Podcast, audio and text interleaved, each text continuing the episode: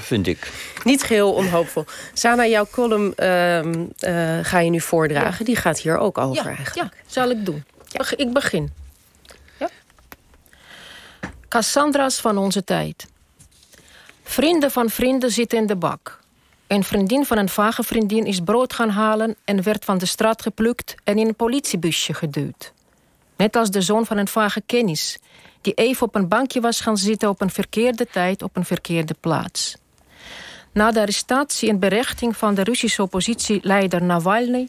zakt Rusland steeds dieper in het bodemloze moeras... van rechteloosheid en chaos. Ik maak me zorgen om mijn familie en mijn vrienden. Het criminele regime mag dan op sterven na dood zijn. Maar zoals we allen weten, kan zo'n doodstrijd, gepaard met hele rare sprongen, nog decennia lang duren. Of toch niet? Wat ik deze dagen vol woede en wanhoop, mis, is een Cassandra.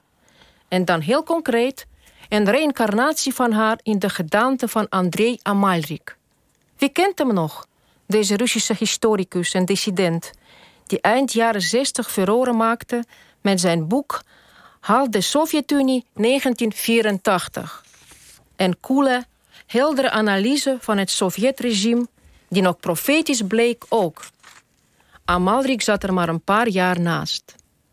Wat mij altijd zo in hem aantrok, is dat hij Rusland als een gewoon land benaderde, zonder zich in de mistige filosofische uitweidingen te verliezen over de bijzondere Russische ziel. Hoezo de Russische ziel?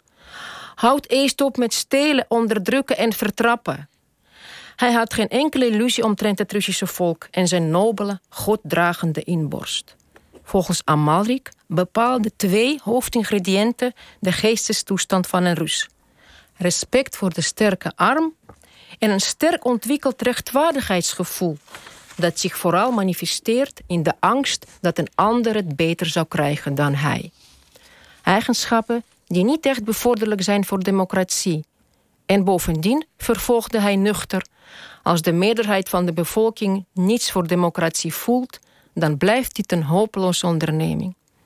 Hij gaf meerdere opties van het instorten van de Sovjet-Unie, waarvan de laatste was dat alle voorafgaande opties niet uit zouden komen. Hij was een droge Diamalrik. Ook zijn geopolitieke profetieën zijn bijzonder interessant.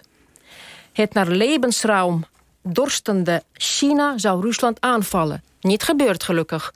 Maar China is wel in rap tempo bezig de oostelijke delen van Rusland economisch te koloniseren.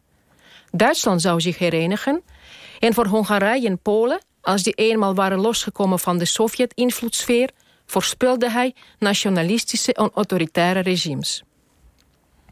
In 1997 in 1976 is Amalrik de Sovjet-Unie uitgezet en is hij in Nederland terechtgekomen. Hij kreeg een aanstelling aan de Universiteit van Utrecht. Hij bleek nogal een querulant te zijn. Het schijnt dat de enige die hem aankon Karel van het Reven was... die hem nog van zijn tijd in Moskou goed kende. Op een dag was Amalrik in Utrecht niet naar zijn werk gekomen.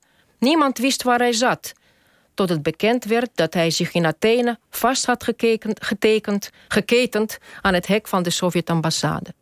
Amarik heeft maar vier jaar van het Vrije Westen kunnen genieten. In 1980, hij woonde toen inmiddels in Frankrijk... is hij in Spanje verongelukt op weg naar een mensenrechtenconferentie in Madrid. Hij wilde eigenlijk gaan vliegen, maar toen kwamen er opeens twee Russische dissidenten langs... die geen geld hadden voor een ticket en is hij achter het stuur gekropen in een auto met twee kakelende Russen in de bewoordingen van Karel van het Reven, om non-stop van Genève naar Madrid te rijden. Zelf heeft hij dus 1984 ook niet gehaald. Ik kan niet wachten op een nieuw Cassandra met een even heldere en nuchtere stem. Ja, Sana, bedankt voor dit uh, ja, actuele eerbetoon mm. eigenlijk. Uh, nog heel even iets korts anders. Uh, heel Nederland is, althans de pers, ligt wakker van het weer. Wat zo winters en koud is.